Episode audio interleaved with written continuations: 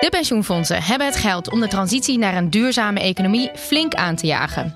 Toch wordt nog lang niet elke euro duurzaam belegd. Hoe brengen we daar verandering in? Dit is Onze Leefomgeving, de podcast van de RLI. En mijn naam is Lotte Sluiter. In twee afleveringen gaan we in op het advies Financiering in Transitie. Welkom bij deze tweede editie, over pensioenfondsen gesproken.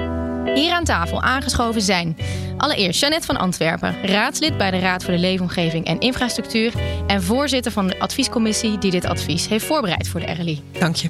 Welkom. Aan de overkant Eloy Lindijer, voormalig Chief Investment Manager bij PGGM en extern commissielid bij het advies. Middag. Goeiedag.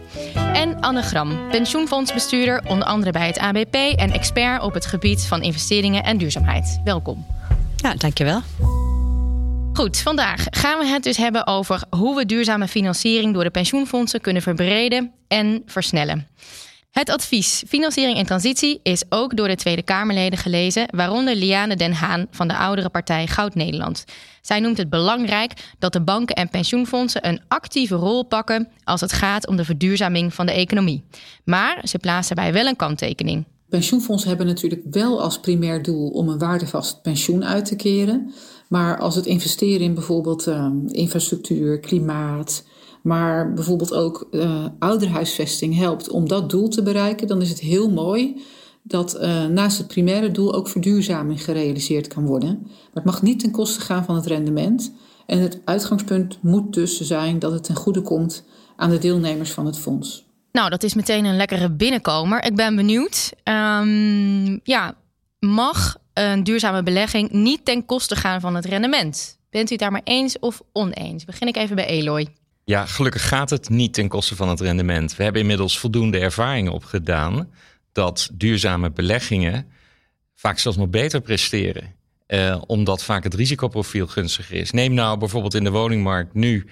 De prijzen staan onder druk. Als je een goed geïsoleerd huis hebt, dan daalt dat minder in waarde.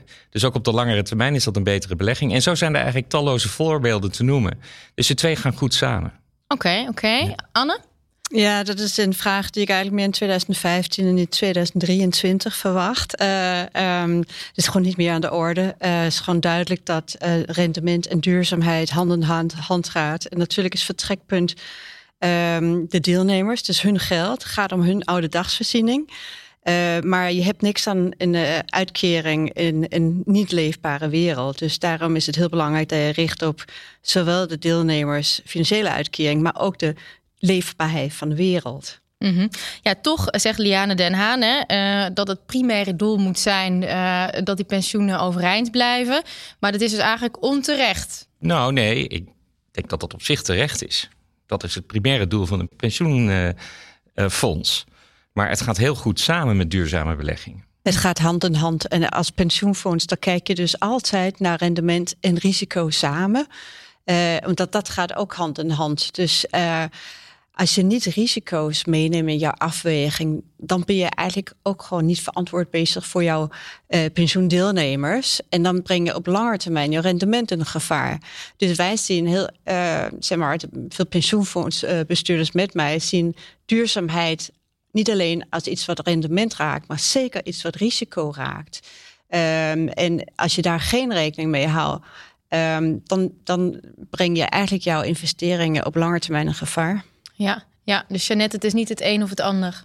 Nee, je ziet eigenlijk aan deze opmerking over rendement, waar inderdaad altijd risico een integraal onderdeel van is, dat uh, men nog uh, eigenlijk uh, in die oude wereld, in die oude economie zit.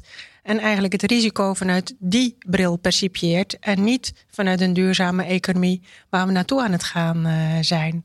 En dat is natuurlijk, was natuurlijk ook voor ons de aanleiding voor de Raad voor Leefomgeving en Infrastructuur om eens een keer een advies uh, te maken, juist over die financiële kant. Want al die transitieopgaven die we hebben, die vragen ook financiering.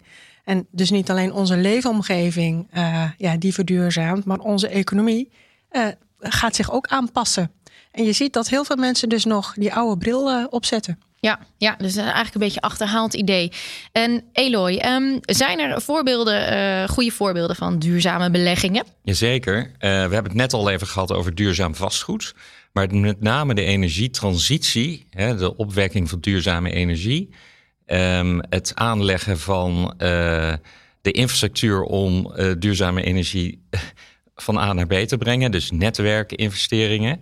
Um, maar ook nieuwe technologieën. Dus je ziet eigenlijk uh, over een heel breed spectrum uh, grote kansen om te investeren in energietransitie en verduurzaming van de economie. Ook circulaire uh, businessmodellen, waarbij je dus probeert om afvalstromen in te dammen en, en daarmee de belasting van het milieu te beperken, zijn ook heel kansrijk. En, en met name voor lange termijn beleggers die een, een belegging doen in lijn met ook de lange looptijd van een pensioen, zijn dit bij uitstek enorme kansen. Mm um, en uh, met die 1800 miljard euro, die volgens de laatste CBS-cijfers de Nederlandse pensioenfondsen gezamenlijk uh, te beleggen hebben, uh, hoeveel gaat er nu richting dat duurzaam beleggen, Jeannette? Een heel klein aandeel. Volgens mij was het 6%, even uit mijn hoofd. Maar kijk even naar de andere gasten aan tafel. Nou, het is in ieder geval te laag. Als ik kijk naar ABP, ken ik natuurlijk goed, omdat ik daar zelf in bestuur zit. Daar investeren we nu uh, iets van 5%. Maar we hebben wel besloten dat we veel meer in gaan investeren. Dus vorig jaar hebben wij en ook een aantal andere fondsen besloten om niet meer in olie en gas te investeren, maar dat geld juist vrij te maken. Ook om, uh, vanwege toekomstige risico's die, die uh, investeringen met zich meebrengen, maar ook juist om die energietransitie te kunnen medefinancieren. Daar gaan we dus in de toekomst 30 miljard aan wijden. Um, dus uh, als je naar duurzame investeringen kijkt, dan moet je echt integraal denken. Um, klimaattransitie of ontwrichting noem ik dat eigenlijk liever, is een, is een integraal systemisch risico wat alle beleggingen gaan beïnvloeden. Dus je moet gewoon heel goed kijken naar alle jouw beleggingen en niet meer in niet duurzame bedrijfsmodellen investeren die gebaseerd zijn op roofbouw. Mm -hmm. um, en, en juist veel meer in die energietransitie waar een gigantische investeringsbehoefte uh, nu al is. En daar moeten wij ook met, wat Elia heel terecht zegt, met dat langetermijngeld van de pensioenfondsen, kunnen wij in de economie en de deelnemers heel goed mee helpen. Ja, en uh, uh, is er dan voldoende oog ook voor de gevaren bijvoorbeeld, als afnemende biodiversiteit, als jullie keuzes maken waar je wel of niet in investeert? Nou, goede nieuws is dat er eigenlijk nu gewoon een soort enorme toename van bewustheid is uh, omtrent de grote systemische risico's die op ons uh, als, uh, nou ja, eigenlijk iedereen, maar ook zeker de financiële instellingen afkomt. Dus verlies van biodiversiteit, ver, verontreiniging en natuurlijk klimaatontwrichting. Het heeft alles met elkaar te maken. Ja, de meeste pensioenfondsen zijn er gewoon nu met op dit moment gewoon heel hard mee bezig. Van hoe, hoe gaan we dit vormgeven? Hoe gaan we het meten? Maar hoe kunnen we ook bijvoorbeeld um, investeringen maken om ontbossing tegen te gaan, uh, biodiversiteit te herstellen? Nog een voorbeeld van ABP, maar ik weet dat PME er ook mee bezig is. Investeren in offshore wind, grote projecten. Hoe hou je daar nadrukkelijk rekening met, met het leven op zee? Um, dus um, en ja, het gaat echt steeds meer gelukkig door die integrale lens. Maar het gaat niet snel genoeg. Dus niet snel genoeg, Jeannette. Nee, dat is inderdaad precies het punt. Het gaat veel te langzaam. Want het feit dat wij dit advies als RLI hebben uitgebracht, is dat we zien dat er nog heel weinig euro's in die duurzame financiering terechtkomen. Veel te weinig. Of je nu over de pensioensector hebt, de bankensector, venture capital of de overheid zelf. Die staat natuurlijk ook nog een speler eh, in. Uh, en het feit dat we net inderdaad het hebben over percentages van zo'n 5%, dat is natuurlijk heel weinig. Dus kortom, er is echt wel uh, naast het bewustzijn wat er nu is, ook actie nodig om daadwerkelijk de manier van afwegen, als het gaat om beleggen, te gaan veranderen. Ja, Eloy, zit er genoeg actie op naar jouw idee? Nou, ik denk dat het in ieder geval heel positief is om te stellen dat als je kijkt die ambities die geformuleerd zijn, als je kijkt naar de klimaatplannen die zijn gepubliceerd door de grote pensioenfondsen, Um, dan zie je daar groot, groot ambitieniveau. Ook geformuleerd over vijf en tien jaar. En dat betekent dat men dus nu in een versnellingsmodus terechtkomt. Het gaat niet alleen om klimaatverandering. Er zijn ook andere doelen geformuleerd, gekoppeld aan de ontwikkelingsdoelen van de Verenigde Naties. En dat loopt echt op in, als je dat voor heel Nederland optelt, gaat dat echt om honderden miljarden te realiseren in de komende jaren. Dan ligt er ook een enorme kans voor de overheid om een stuk regie te pakken en een deel van dat kapitaal ook in Nederland aan het werk gezet te krijgen. Want onze pensioenfondsen beleggen nou eenmaal internationaal. Dus je moet ook de, de voorwaarden scheppen dat, dat hier ook een deel van dat grote vermogen aangewend wordt om bijvoorbeeld hè, de energietransitie te bevorderen of andere maatschappelijke doelen waar goede rendementen kunnen worden gerealiseerd. Neem nou studentenhuisvesting of zorg. Ja, Anne? Ja, en daar, daar wil ik eigenlijk ook graag een oproep doen. Hè. We nemen nu nadrukkelijk onze verantwoordelijkheid als pensioenfondsbestuurders. Zeggen, wij willen echt aan de grote maatschappelijke uitdagingen bijdragen. Uh, maar we hebben heel hard uh, ook uh, hulp van de overheid nodig. Dus we willen graag dat een overheid wat veel meer um, vervuilende en, en roofbouwactiviteiten beprijst tussen CO2-belasting en normeert en reguleert. Omdat dan kunnen wij pas echt onze langetermijn uh, investeringsbeslissingen maken. Zolang dat het nog uh, lucratief is om businessmodellen in de lucht te houden, uh, waar je de negatieve effecten op de samenleving afwendelt. En die bedrijven gaan dat blijven doen. Dat gaan ze echt niet doen, tenzij dat moet. Um, dat maakt het gewoon voor ons veel moeilijker. Niet dat we daarop gaan zitten wachten, maar dat geeft voor ons veel meer duidelijkheid en dus ook ruimte om veel meer in, in te investeren als we weten wat ja, standaardbepalers en overheden uh, gaan doen. Ja, precies. Die beprijzing is nodig. De RLI heeft er al eens eerder op geadviseerd. Hè? Dit is aanvullend daarop. Uh, van overheid, neem je rol. Ja, zeker. En, want het gaat om alle hè, spelers in het veld. Als één speler gaat rennen, dan uh, schiet het niet op. Je moet samen gaan. Dus het is ook aan de overheid om helderheid te hebben. Ook over de visie. Waar gaan we na naartoe in Nederland met onze energieinfrastructuur bijvoorbeeld? Welke keuzes maken we daarin? Dus het zit niet alleen in beprijzen. Um, ja, en daarnaast, dat is natuurlijk een ander advies in ons RLI-rapport. Dat gaat over het instellen van een nationale investeringsinstelling waar je als overheid dan regie kan pakken, uh, hoog uh, risicofinancieringen kan gaan uh, uitzetten, gekoppeld aan gelden uit de private sector. Het feit dat de overheid dan hè, zelf ook dat risico neemt, zorgt ervoor dat het voor de private sector ook aantrekkelijker wordt om daarin mee te gaan. Ja, Eloy, zo'n nationale investeringsinstelling, zie je dat zitten? Ja, daar ben ik absoluut een groot voorstander van. Um, de overheid kan daardoor veel meer regie uitoefenen op uh, het samen met institutionele beleggers vormgeven aan die economie van de toekomst. Mm -hmm. En je ziet dat landen in het buitenland daar al veel meer ervaring mee hebben om dat zo te doen. Die hebben vaak ook niet het voordeel dat ze die hele grote institutionele beleggers thuis hebben. Dus die moeten juist dat kapitaal van buiten aantrekken. Dus die zijn laten we zeggen, eerder erop ingesteld om daarop georganiseerd te zijn. Wij hebben de luxe dat veel van dat geld kapitaal al in Nederland is. Maar de, de opdracht is zo groot de komende jaren dat ook wij samen met die lange termijn beleggers daar op een hele goede manier invulling aan kunnen geven. En we hebben ook een traditie op dat vlak dat we dat kunnen. Dus het is een kwestie van onszelf een beetje opnieuw uitvinden om het gerealiseerd te krijgen. Ja, en ik hoor jou ook zeggen, hè, meer investeren in binnenland, minder in buitenland. Zou je daar een percentage aan kunnen hangen, willen hangen? Misschien ook als pensioenfonds zelf? Anne? Nou, ik denk dat er sowieso totaal geen tekort aan kapitaal is. Dus ik denk dat je en-en moet doen. Um, ja, het is logisch dat je sowieso in Nederland uh, meer investeert, omdat daar zitten onze deelnemers en is ook gewoon heel veel te doen. Uh, maar nou ja, de klimaatontwrichting treft natuurlijk met name de Global South. Hè? En, en de mensen hebben ook gewoon minste aan gedaan. En daar komen gewoon, ja, daar wordt gewoon heel veel mitigatie en investeringen nodig.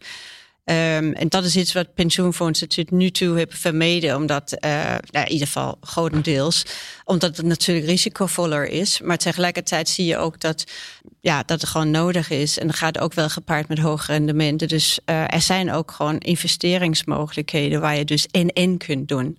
Ja. Uh, dus wij blijven mondiaal beleggen.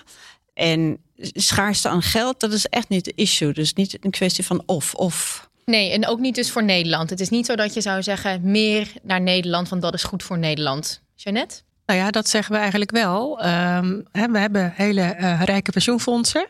En die beleggen nog maar voor een klein deel, hè, dat kwam eerder in het gesprek aan de orde, in duurzame bedrijven, duurzame beleggingen. En we hebben in Nederland natuurlijk enorme uh, investeringsopgaven. Nou ja, de, de, de energieinfrastructuur kwam net al uh, voorbij. Dat is er maar één. Uh, maar ook bijvoorbeeld als het om waterveiligheid uh, gaat. Dat zijn echt majeure uh, investeringen.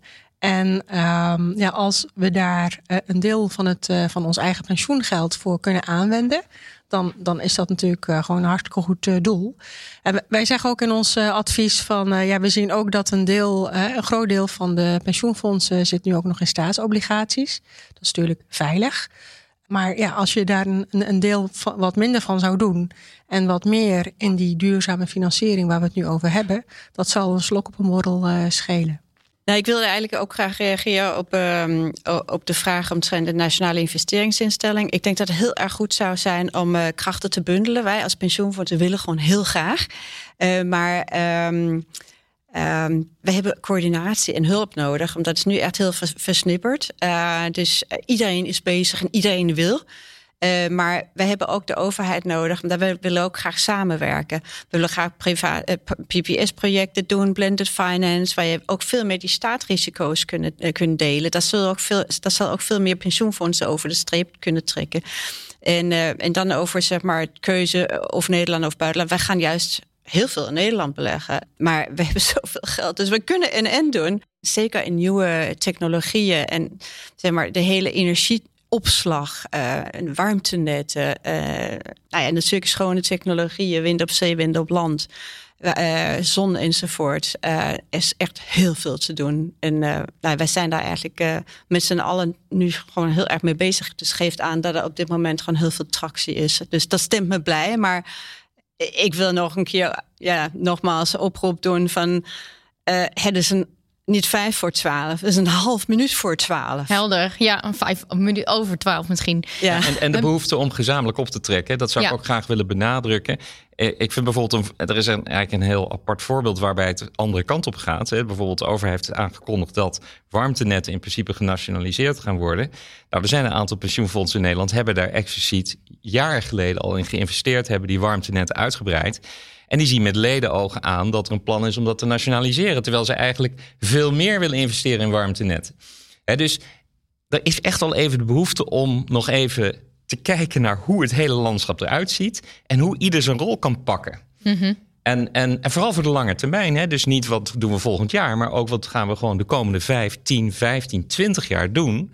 En hoe kunnen daar pensioenbeleggingen uit voortkomen, die dus rendementen opleveren die ieder geval positief zijn. Hè? Dus goede lange termijn rendement. Het liefst ook nog in lijn met de Nederlandse inflatie. Want daarmee maak je ook een waardevast pensioen mogelijk. Nou, en zo kan de overheid met, met pensioenfondsen en andere institutionele beleggers... denk ik heel goed tot iets komen wat voor alle partijen werkbaar is. Maar dat zijn we nog niet gewend om te doen. We denken nog niet zo, terwijl dat in het buitenland veel gangbaarder is. Ja, precies. Nou, en dat denk ik ook, hè? want u bent allebei ontzettend welwillend. Toch staat u bekend als behoudend. Uh, die, die actievere rol, gaat dat gebeuren? Ik zie het nu wel heel erg gebeuren, maar je moet niet vergeten, wij komen ook uit een context, uh, als je terugdenkt naar 2008, de financiële crisis. Um, nou, daar, daar, daar, hebben onder andere de toezichthouders ook heel erg op geslaan van jullie moeten niet zoveel risico's nemen, pensioenfondsen. Ga heel erg op die dekkingsgraad richten. Uh, en uh, zeg maar, vereist eigen vermogen wordt berekend op een manier waar staatsobligaties in de handwerk en risicodragende investeringen afstraft. Dus dat heeft zeker niet geholpen. Dat heeft ook uh, korte termijn beleid uh, en focus in de hand gewerkt. Dus daarom uh, kijken heel veel pensioenfondsen heel erg naar de volatiliteit van de dekkingsgraad. Hoewel, als wij naar de toekomst kijken, is dat gewoon veel niet echt een relevante risico. Veel relevanter zijn die systemische risico's die op ons afkomen. Dus bijvoorbeeld stranded assets. En uh, dus de vergt echt dat je andere modellen gaan gebruiken. Dat noemen jullie ook in het advies. Dat vind ik wel uh, terecht.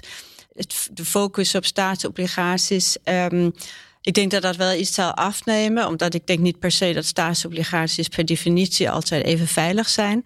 Uh, maar zelf blijft dat, uh, dat is niet de oorzaak waarom er niet in de energietransitie wordt, uh, wordt geïnvesteerd. Er is meer dan genoeg geld in de rendementsportefeuille.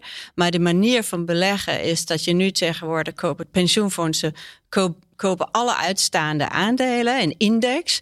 En we moeten veel meer naartoe dat je gewoon veel selectiever kijkt van welke aandelen in de markt wil je kopen. Als je in de, in de supermarkt inloopt ga je ook niet alles kopen. Je hebt geen beleggingsplicht. Dus er, komt, moet echt even een mindshift komen. Dat je gewoon echt zeg maar, de vervuilende bedrijven niet meer steunt. dus daar komt het eigenlijk op neer. En bedrijven die dan wel willen en kunnen veranderen, die moet je helpen die transitie door te komen. En als actief aandeelhouder heb je daar echt een verantwoordelijkheid in. En dan zit je ook met een stuk opbouw, dus investeren in, in nieuwe opkomende bedrijven die we hard nodig hebben. Ja, Jeannette? Ja, als ik hierop mag aanvullen, uh, hebben we inderdaad in het advies ook gezegd dat als je kijkt naar het uh, toezicht op de pensioensector, maar ook op de bankensector, dan uh, is dat eigenlijk onvoldoende gericht op verduurzaming. Eigenlijk precies waar we het nu over hebben. In principe is dat mandaat er wel, maar daar wordt nog eigenlijk vrijblijvend, redelijk vrijblijvend mee omgegaan. Dus daar zou je ook meer richting handhaving kunnen. Want het is natuurlijk ook een cultuurverandering die je uh, zowel in de pensioensector als in de bankensector gaat doorvoeren. Het is echt een andere manier van kijken. Een andere, andere risico's, andere risicoprofielen. En nou, dus ook een, ja, dat, dat heeft invloed op, op je afwegingen in je financiering en je beleggingen. Ja, hey, en het woord viel net al even, hè, de staatsobligaties. Het rapport spreekt ook van een oververtegenwoordiging van staatsobligaties. Hoe wenselijk is dat dat dat minder wordt en hoeveel minder dan? Nou ja, Anne gaf het net eigenlijk al aan. Het komt voort uit de financiële crisis en de focus op uh, dekkingsgraden. Uh, maar tegelijkertijd zijn er uh, veel grotere risico's aan het ontstaan, die systeemrisico's, als gevolg van nou ja, de klimaattransitie bijvoorbeeld. Uh, dus kortom, uh, sta je niet blind op die dekkingsgraden en staatsobligaties, maar ga juist kijken waar je elke euro van ons, ons pensioen op, op, een, op een goede uh, en een verantwoorde manier kunt beleggen met een, met, een mooi met een mooi rendement. En gaan we dan helemaal stoppen met staatsobligaties, Eloy? Hoe, hoe gaan we daar dan mee om? Nee, nee, absoluut niet. waar ze zijn in, als je dus Nederland vergelijkt met vergelijkbare pensioenstelsels elders, dan zie je dat staat is hier oververtegenwoordigd. En dat komt door het huidige pensioenstelsel. En het nieuwe pensioenstelsel zullen we nog steeds in de zogenaamde lifecycle benadering en allocatie aan staat hebben. Maar ik zou wel echt toezichthouders ook willen oproepen om naar dat, de uitwerking van het pensioenakkoord te kijken. Naar van als we echt een waardevast pensioen willen opbouwen, hè, dat, dat zekerheidsdenken wat gekoppeld is aan staatsobligaties, soms dat je zelfs gegarandeerd verlies inkoopt met een negatief rendement, omdat het dan een stabiele negatieve cashflow is. Ik heb liever in die portefeuille een duurzame vastgoedbelegging met een positief rendement. Hè, um, hopelijk ook nog een gebouw, wellicht wat zelfs nog energie kan opwekken omdat er zonnepanelen op liggen. Um, waarin wordt geïnvesteerd. En wat ook wordt gezien als een goede lange termijn belegging die bijdraagt aan een waardevast pensioen. En ik denk ook wel dat beleggingen die dichter bij huis zijn, gekoppeld aan de Nederlandse inflatie, uiteindelijk eerder die karakteristieken vertonen. Wat we vroeger een staatsobligatie noemden qua zekerheid en risico en rendement. Dan als je dat heel ver weg doet. Dus um, het is een oproep om opnieuw te kijken naar de risicomodellen die ook in de uitwerking van het nieuwe pensioenstelsel uh, uh, moet, nog moet plaatsvinden. Om te kijken hoe we daar meer op de toekomst gericht kunnen investeren. En, en laten we zeggen, de, de, de raamwerken, de, denk, de, de, de modellen die ons goed. Um, die, die, die, die eigenlijk heel goed gewerkt hebben, eigenlijk in de periode van de naoorlogse periode van lage inflatie en hoge groei. Hè, dat, dat, dat we die gewoon herijken. Ja, ja je boodschap is helder. En, en hoe zou dat dan concreet in regelgeving moeten gaan veranderen? Nou ja, kijk, dat bijvoorbeeld als we naar die lifecycle gaan, hè, daar, daar in het, laat het, het, het traditionele denken heb je een allocatie aan risicoloze investeringen. Hè, en dat zijn de staatsobligaties in, die, in dat denken. En naarmate de bevolking vergrijst en je eerder op je pensioendatum komt, moet je steeds meer van dat soort investeringen in portefeuille hebben volgens die lifecycle benadering. Nou, als dat helaas investeringen zijn die nu fors onder de inflatie renderen, dan ben je eigenlijk je pensioenuitkomst aan het uithollen.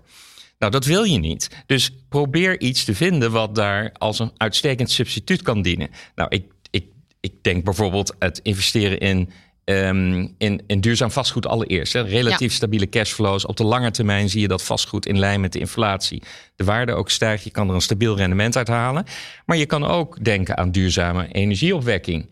Um, investeren van pensioenfondsen in die warmtenetwerken. Hè, en energierotonden. Dat zijn allemaal mits goed gereguleerd. En, en, en wat de rol van een ieder daarin is. En dat je dus beleggers hebt die daar voor de lange termijn aan committeren dan kan je ook daar stabiele rendementen uithalen, omdat de regelgeving, de overheid zorgt voor een stabiel kader daaromtrent. En dus dan kan je een, een ja, eigenlijk een, een, uh, een, een, hele goede verhouding met pensioenbeleggers opbouwen. En die dan ook niet graag dat geld heel ver wegbrengen, maar vooral in Nederland investeren. Ja. ja. Nee, wij zijn natuurlijk wel als pensioenfonds de langetermijn beleggers. En jullie benoemen ook in het advies uh, zeg maar, dat de financiële sector te korte termijn gericht is.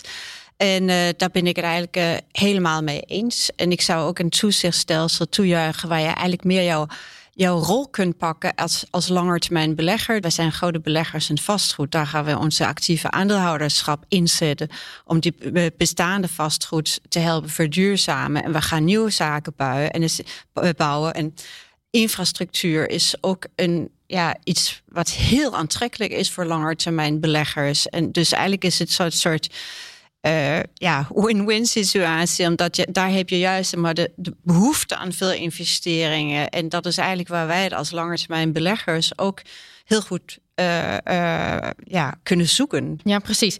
Nou, jullie verwachten ook best veel van de Nederlandse overheid, hè, als ik jullie zo hoor. Uh, we hebben ook Tom van der Lee gevraagd om te reageren op dit rapport, Tweede Kamerlid voor GroenLinks. en hij heeft onze reactie gegeven. Hij ziet nu nog te veel verschil tussen de verschillende pensioenfondsen en hij zou willen dat ze allemaal harder gaan lopen. Dan moet je niet alleen over rapportage denken, maar ook echt over concrete stappen om ja, de footprint de ecologische footprint, maar ook de sociale footprint uh, op meer verantwoorde wijze uh, in te richten. En dat betekent niet alleen uh, rapporteren, maar ook besluiten bepaalde investeringen niet meer te doen. Zoals ABP recent deed als het gaat om uh, het niet meer investeren in fossiele projecten. Want we moeten in lijn blijven met het, ja, uh, de opwarming die maximaal anderhalve graad mag bedragen. En dat betekent ook concreet uitwerken wat dat voor het beleid van het pensioenfonds of bank betekent. Voor de strategie, maar ook het risicomanagement. Want de financiële sector neemt ook risico's. Als ze wachten met stappen, met potentieel grote financiële schokken tot gevolg. En daarom vinden wij dit een, cruciale prioriteit waar de overheid ook een belangrijke aanjaagfunctie heeft. Ja, hij zegt eigenlijk uh, een paar dingen, hè, maar onder andere een aantal investeringen moet je niet meer willen doen en die overheid moet een grotere rol uh, pakken. Um, Anne, hoe lastig is het eigenlijk om niet duurzame beleggingen af te bouwen? Uh, nou, ten eerste, ik ben het hardgrondig mee eens. En volgens mij zei ik dat ook, dat, dat ook al eerder. Dat is precies wat wij gaan doen. Uh, wij gaan nu eigenlijk door het hele universum uh, kijken van wat. Welke bedrijven zijn bij wijze van spreken de wereld aan het vernietigen en daar gaan we niet meer investeren. Wij, begonnen, wij zijn begonnen met olie en gas en veel fondsen hebben dat ook besloten en zullen ons volgen, ben ik van overtuigd. Maar denk ook aan ja, de hele, het hele voedselsysteem enzovoort. Dus um, we hebben het is best lastig, omdat elke economische activiteit heeft natuurlijk een footprint. En um, je moet niet van compensatie uitgaan. Dus het gaat met name over hoe kun je het footprint verlagen. Maar zolang je in economische activiteit investeert, zul je altijd een footprint hebben. Uh, dus uh, ik denk dat je met name als actief langetermijn aandeelhouder... dan enerzijds moet je inderdaad goed formuleren van waar gaan we echt niet meer in beleggen. En nou ja, ik gaf een paar voorbeelden, maar uh, denk ook aan mobiliteiten. Er zijn gewoon echt gewoon niet duurzame manieren van mobiliteit. Die moeten echt vervangen worden. Ja, blijft dus gewoon best weinig over als je zo'n universum uh, neemt van pakweg een beetje 8 à 10.000 aandelen. Als, als je echt alles afvinkt wat je niet wil hebben, blijft er eigenlijk gewoon te weinig over. Uh, tegelijkertijd, je hoeft ook niet duizenden aandelen. Je kunt prima in veel minder beleggen en de voldoende diversificatie be, behalen. Dus dat is een exercitie waar veel, heel veel pensioenfondsen op dit moment mee bezig zijn. Ja, en kiezen jullie dan ook bewust voor om niet in gesprek te gaan met die partijen? Als het bijvoorbeeld gaat om uh, fossiele bedrijven, die misschien wel ook bezig zijn met een transitie? Nou, um, wij doen uh, verschillende dingen. Afbouw, uh, ombouw en opbouw. Ja. Uh, nou ja, wanneer gaan wij in bedrijven investeren? Wij willen in bedrijven investeren die de transitie kunnen en willen meemaken. En we gaan actieve, actieve aandeelhouderschap in de volle breedte inzetten. Dus we gaan dialoog voeren met bedrijven die aantoonbaar kunnen en willen veranderen. Maar als je kijkt naar de olie- en gassector, decennia lange engagement en, en praten heeft aantoonbaar helemaal, of in ieder geval veel te weinig opgeleverd. Uh, dus uh, het heeft gewoon geen nut, omdat dat gaat gewoon veel te langzaam. Ja. Uh, dus dan willen we liever onze resources focussen op bedrijven die dat wel kunnen. Dus denk aan bedrijven die grote energieverbruikers zijn. Hoe kunnen we die bedrijven helpen om minder energie te gebruiken? Ja, Jeannette? Nou, het gaat natuurlijk inderdaad om die opbouw, ombouw en afbouw. Maar dat vergt ook kennis. En dat vergt expertise van mensen, ook bij jullie, hè, bij, bij de pensioenfondsen.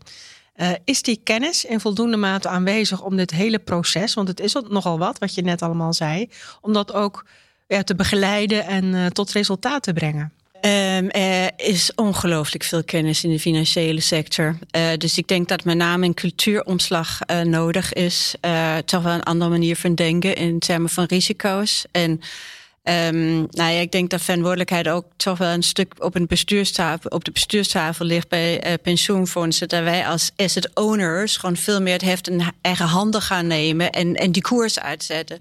En um, de uitvoerders zijn natuurlijk veel minder gewend om uh, of zij zijn gewoon gewend om een bepaald manier te werken. En dat gaat veranderen. En dat is iets wat wij ook gewoon als eigenaren of bestuurders uh, mede moeten afdwingen. Dus het is een, ja, elke verandering is gewoon ja, gaat gewoon met tegenstand en moeite gepaard. Maar dat betekent niet dat het niet moet doen. Uh, het is juist heel hard nodig. Ja, in onze vorige aflevering over banken ging het ook over die kennis en expertise. Toen werd er ook gezegd door Marleen uh, dat het uh, toch best ingewikkeld is. Dat we eigenlijk niet voldoende mensen hebben met voldoende kennis om goede risico-inschattingen te maken. Eloy, zie je dat ook zo? Ja, ik, ik ben het daar wel mee eens. Maar die expertise en kennis kunnen we wel opbouwen dus je ziet ook wel dat de grote uitvoerders van pensioenfondsen de laatste tien jaar enorm gegroeid zijn. Omdat met name de competentie om directe beleggingen te doen buiten de beurs om in bedrijven. bijvoorbeeld Windmolenpark is een mooi voorbeeld daarvan. dus uh, de grote uitvoerders investeren nu allemaal rechtstreeks in Windmolenpark. Maar ze hebben inmiddels ook specialisten in dienst genomen die dus ook een achtergrond hebben in die industrie. En dat zijn vaak uh, specialisten die betrokken zijn geweest bij uh, de ontwikkeling van dat soort parken. Of die gewerkt hebben vanuit een MA-praktijk, waarin ze ervaring hebben gedaan met het integreren van bedrijven, het uitbouwen van bedrijven. Dat is een hele andere competentie dan een aandeel selecteren op de beurs. dus dat is wel denk ik een concreet voorbeeld waar die interne kennis moet worden opgebouwd. En ook verder wordt opgebouwd door de grote uitvoerders. En dat geldt even zo goed voor een nationale investeringsinstelling. dus de overheid moet die capaciteit ook opbouwen om een goede partner te kunnen zijn voor die institutionele beleggers om gezamenlijk die grote uitdaging aan te gaan. Dus ik zie inderdaad een behoefte aan gespecialiseerde kennis op te bouwen in Nederland, in nieuwe instituten, in bestaande instituten. En die kunnen we deels ook uit het buitenland halen. Het is niet zo dat je die alleen maar. Hè, dit is een internationale markt voor dit soort specialisten. Hey, en als het gaat om dat afbouwen van die beleggingen, ehm, eh, wat denk jij over het aangaan van die dialoog? Ja, ik denk dat dat heel belangrijk is. Hè. Dus, dus uh, kijk, pensioenfondsen, dat als langetermijnbelegger kan je het risico verlagen door een evenwichtige portefeuille op te bouwen die verdeeld is over verschillende sectoren.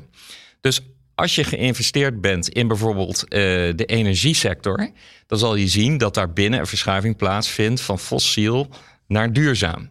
Hè? En um, ik ben er altijd een voorstander van geweest om die beweging geleidelijk in te zetten, omdat je daarbij wel bedrijven een kans geeft die in de oude economie zit om de transformatie door te maken. Dus dat je niet onmiddellijk afscheid neemt. Maar je, je moet wel degelijk in gesprek blijven en en dan zie je dat een aantal bedrijven, bijvoorbeeld, je ziet dat in, bijvoorbeeld in, in, in, in Scandinavië, heb je een aantal voormalige oliebedrijven die zich volledig hebben gericht op um, offshore wind productie. dus je hebt het wel, alleen de voorbeelden zijn nog steeds heel schaars. Ja, en, en, en dus, dus betekent dat, we, dat, dat de grote institutionele beleggers, en wij zijn die in Nederland, wij, zijn, wij veel kapitaal, wij kunnen veel invloed uitoefenen. Precies, het is een pressiemiddel zou je denken, toch? Absoluut, absoluut. Ja, je moet er aan denken van, uh, als we specifiek over fossiel hebben, je hebt er ongeveer 1400 mm. bedrijven en het voorbeeld... Uh, um, hetzelfde voorbeeld wordt eigenlijk altijd genoemd, Ørsted. Uh, dat is eigenlijk het enige bedrijf die gewoon een uh, succesvolle transitie is, is doorgemaakt. En de rest gaan gewoon vervangen worden door nieuwe bedrijven. En sommige zullen meegaan, maar bottom line is dat het gewoon veel te langzaam gebeurt. En ja, decennia lange engagement heeft dus alleen maar extra lobbyactiviteit, lobbyactiviteit geleid en geen wezenlijke verandering. Dus daarom zeggen wij, richt je pijlen op de bedrijven die, die wel willen en kunnen veranderen. En het is ook een kwestie van resources. Ja, Jeannette? Ja, ik zou nog wat anders willen toevoegen, want we hebben het nu hmm. heel erg steeds over energie en fossiel en niet fossiel. Maar het gaat natuurlijk ook over de biodiversiteit. Die, die, we hebben ook een biodiversiteitscrisis. het gaat ook over de circulaire economie. We hebben een grondstoffencrisis. Dus we moeten op uh, heel veel aspecten anders omgaan met onze manier van produceren. En ook daar zijn heel veel investeringen nodig. we moeten ook heel veel bossen aanleggen, bijvoorbeeld. Dus ik vind dat wel interessant van wat ook de waarde dan vervolgens hè, van zo'n bos is. Dat, dat heeft veel meer waarde dan, dan we twintig jaar geleden dachten. Kunnen we dat al goed inschatten? Nou, daar, daar uh, zijn heel veel mensen op dit moment uh, mee bezig. Maar daar, dat is nog wel een zoektocht, ja. Van hoe kan je ook op ja, waarden die we vroeger nog niet gingen meten... Hoe, hoe kunnen we dat nu wel inzichtelijk maken? En bij wie belandt die waarde dan ook, hè? Dus, dus daar is nog wel heel veel kennisontwikkeling en ook de ontwikkeling van instrumenten nodig. Ja, ook voor pensioenfondsen, niet alleen voor de banken. Nee, nee, dat geldt ook breder in de economie. Mm -hmm. En nog even over die versnippering en de rol van de overheid. Hè? Want Anna die noemde het al. En toen kwam, ging het over de Nationale Investeringsinstelling. Wat we in de expert meetings die we hebben gehad met partijen uit de financiële sector in het maken van dit advies, was heel duidelijk van ja, weet je, er is heel veel geld, dat is het probleem niet. Uh, maar hoe komt het nou bij de goede uh, uh, projecten terecht? En dan, dan helpt het gewoon niet. En dat, hè, ons advies is natuurlijk ook echt voor een groot deel aan de overheid gericht. Dan helpt het niet als elk departement zijn eigen subsidie of zijn eigen fonds heeft. Dat is voor de markt gewoon niet vindbaar. Dat is te ingewikkeld. Er zijn te veel potjes, te veel loketten. Dus daarom ook ons advies voor die nationale investeringsinstelling. Dan bundel je dat en bovendien ga je dan weg van subsidie. Ga je naar investeren toe. En het, het koppelen van, van publiek geld aan privaat geld. En we zeggen ook uh, niet van ga nou een heel nieuwe investeringsinstelling uh, uh, opzetten. want dat duurt lang of dat komt er misschien niet. Maar gebruik vooral wat je al hebt. En dat is onder andere InvestNL. Dat zijn delen van het Klimaat- en het Groeifonds. En zorg er ook voor dat die uh, ja, uh, financieringen aankunnen die, die de markt nu niet aan kan. Dus ga juist wat meer risico nemen. Want als ze een te beperkt mandaat hebben, ja, dan, dan, dan is het het uh, paard achter de wagen spannen. We hebben dus per departement zo'n beetje zo'n potje. En waar het natuurlijk om gaat, als het gaat over onze leefomgeving en al die transities waar we het over hebben, dat, is niet, dat zit niet in één departement. Uh, daarom hebben we ons advies ook aan minister Kaag aangeboden. Want de euro's gaan over alle sectoren. Het gaat over landbouw, het gaat over de bouw, het gaat echt over alles. Het gaat over energie.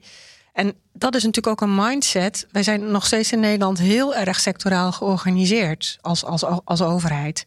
Dus uh, hoe zorg je er nou voor dat je die, uh, ja, en het woord integraal is soms ook een beetje een soort uh, dooddoener geworden, maar toch is het zo. Hoe zorg je er nou voor dat je echt met een integrale visie komt? Uh, op een duurzaam Nederland en een duurzame economie. Ja, helder. Uh, nog heel even terug naar die opmerking van Tom van der Lee. Uh, de overheid moet veel meer een aanjagende functie hebben. is er inderdaad een, een, een stevigere stok nodig? Om, want ja, jullie zijn heel optimistisch en willen. Maar hebben we die toch niet ook nodig? Nou, oké, okay, ik vind het moet een goed evenwicht zijn tussen het bieden van een kans en zorgen dat de risico's worden beheerst. En die risicobeheersing, ja, die. En dat gaat dan over de Nederlandse instellingen. Je wilt ook, je wilt ook buitenlands kapitaal naar Nederland aantrekken voor, voor deze transities.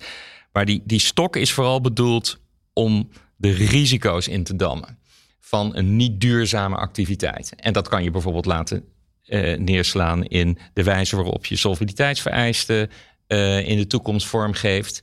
Uh, met oog op stranded assets bijvoorbeeld maar ook uh, de risicomodellen die worden ontwikkeld, dat die toekomstbestendig zijn. He, dus daar kan een toezichthouder uiteindelijk veel invloed uitoefenen op de sector en kan bepaalde zaken afdwingen als de, de vooruitgang niet snel genoeg is. Ja. He, dus ik, maar ik, ik zou toch willen benadrukken dat we vooral op zoek moeten gaan naar partnership.